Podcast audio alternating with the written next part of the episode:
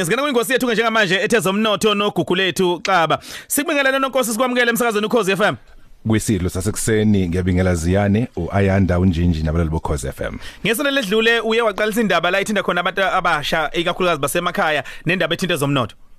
besikade sibuka eh, tjatha mfowethu indaba yabantu abasha njengoba sazi ukuthi nyanga abantu abasha le eh, sibuka kakhulu ukuthi uma sikhuluma ngabantu abasha baneyinkinga ezahlukahlukene ngokuhla ngokuya ngendaba abehlala kuzona. Uma ubheka emakhaya inkinga zabo zicishe zezomnotho zingafani kakhulu nezabantu abantu abasha abahlala emadolobheni esazobuka futhi abantu abasha abahlala emadolobheni ngakapheli lenyanga besibuka futhi ubumqoka bakuthi ethatha kumele ukuthi eh abantu abasha bathole inspiration abasemakhaya ngoba ingqala zinda yikho. Inkinga eningi ababhekene nazo ezokuthi ngisho bethi baqala amabhizinisi. Eh abakwazi ukusekeleka ngendlela mhlamba abasemadolobheni abasekeleka ngakhona. Yabona mangenza isibonelo esincane futhi lapho kunezinto inkampani zikahulumeni eh ezifana nabo IDC eh ezisuke zinemali eallocatiwe ukuthi ayizukusiza nje kuphela uqala amabhizinisi emadolobheni kodwa eindaweni zasemakhaya.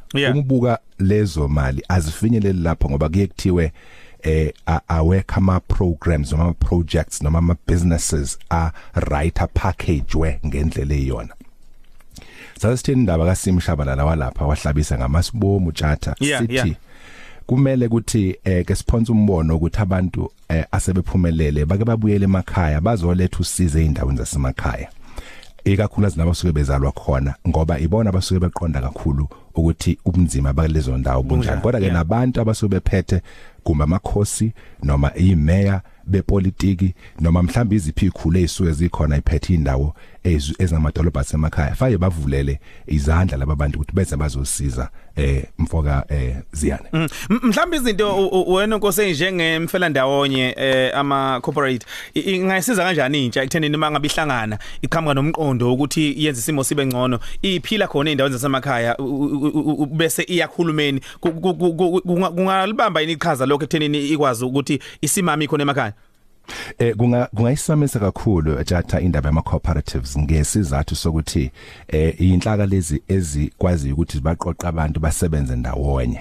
Kodwa ke mhlawumbe angithi ukuhluka kancane kwabaningi maqondana nalento ama cooperatives maningi kakhulu ama cooperatives la eNingizimu Afrika kakhulukazi lapho kwaZulu. Mhm.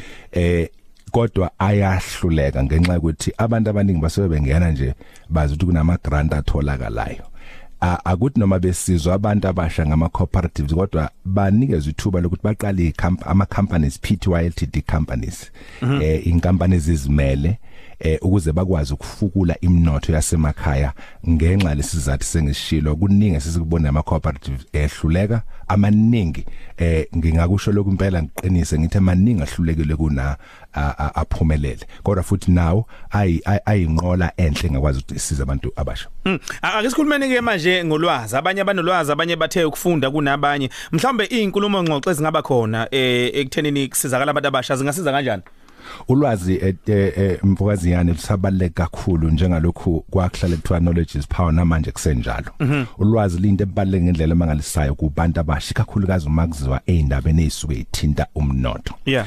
Ngenza isibonelo nje uyabona njengamanje eh kunengxoxo eziningi eziqhubekayo eh tjatha ehambisana nomnotho waseningizimu Afrika. Eh angikusho lokhu ngokungahlonizwa ukuthi kwesisikhathi abantu abadala osopolitiki bagcine besidida noma bedida abantu abasha. Ukeweza ukukhulunywa ngeNational Development Plan kwathiwa uhlelo leli plan enhle kakhulu ezosizizwe. Kusho omunye umongameli useyafika omunye umongameli owayephethe naye usethi akuyona iplan le. Hmm. akukho ukuthi plan lapha.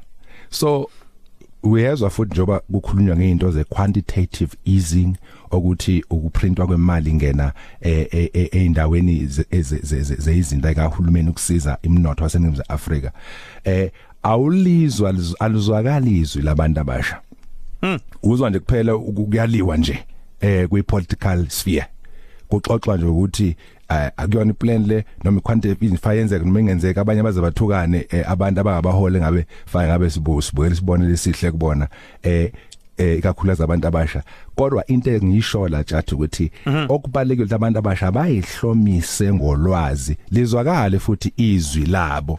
Babamba iqhaze liyilo ekuthenini eh ekuhambisane ezintweni ehambisana nomnotho ngoba kukhuluma abantu abadala la eh abantu abasha kuyibona ngempela ikusasa elingelabo alizwakali izilabo. ya. So yilokho kumele kumele bakwazi abantu abasha ukuthi abayibandakanye nolwazi oluhambisana ngezomnotho bakhitha ngami amagunundu indawo lapho bazohlala behlangana khona bexoxisana ukuthi umnotho lo siwufula kanjani emvokaziyana ake sibuye sikhulume ngendaba ethinta ezobuchwepheshe kanye na umnotho. Naka namandla eh umnotho abonakala ehla ngo 3.2 eh kuleli lakithi.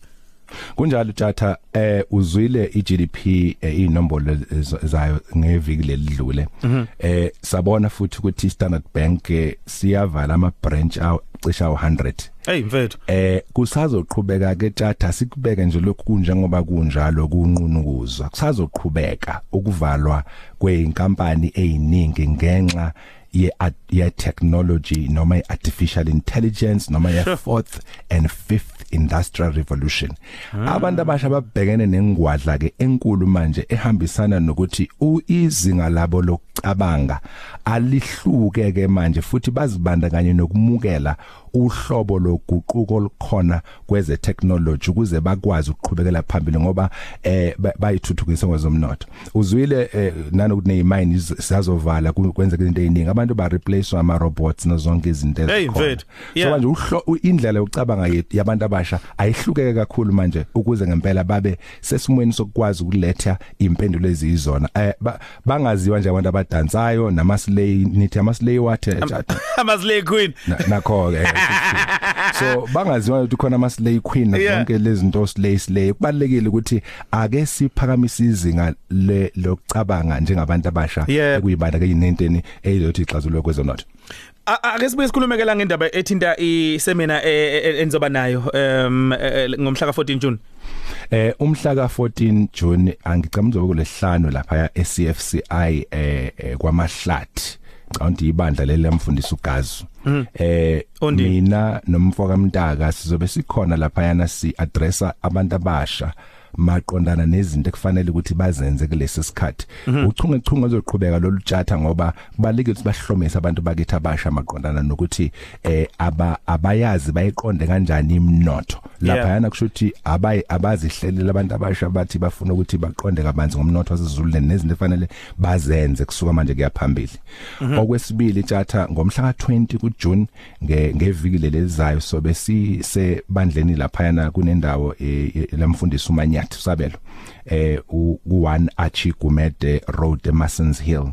Eh sizobe sokhuluma ngalento ekuthiwa disruptive technologies. Lesikhuluma ngazo into ezifana Yeah. no cryptocurrency into efana nokuthi hloboni yomqondo odingela kulesi sikhathi ukuze uyibandakanye nomnotho nezinto ezithile engabasiza kakhulu abantu eh abasha nabantu nje abafuna ukuyibandakanya nokuqhubeka nokukhula komnotho eNingizimu Afrika. Abafisa ukuxhumana nawe bakuthola kanjani mfowethu? Banga WhatsApp inombolo ethi 08222 52217 08222 52217 kube basithole ku amandla omnotho.co.za so so hamba hamba siqhubeke sibhale futhi maqona nezinto esisuke sizikhuluma lapha ngoba isikhathi suke sisincane ukuthi singa hlaziya kahle konke ukuze bathole kahle konke kulawo ma web pages. Hayi umzimba bempilo esiphila kubo ku- ku- ku- buyamangalisa shwabathi eh siyabonga kakhulu mfowethu ukuthi uqhubeke nje usicije la ikakhulukazi abantu abasha ekuthenini singakwazi kanjani ukubhekana nezinselelo ezikhona zokuphila kulesikhathi sethu? Ziyani ngibonga kakhulu mfowethu.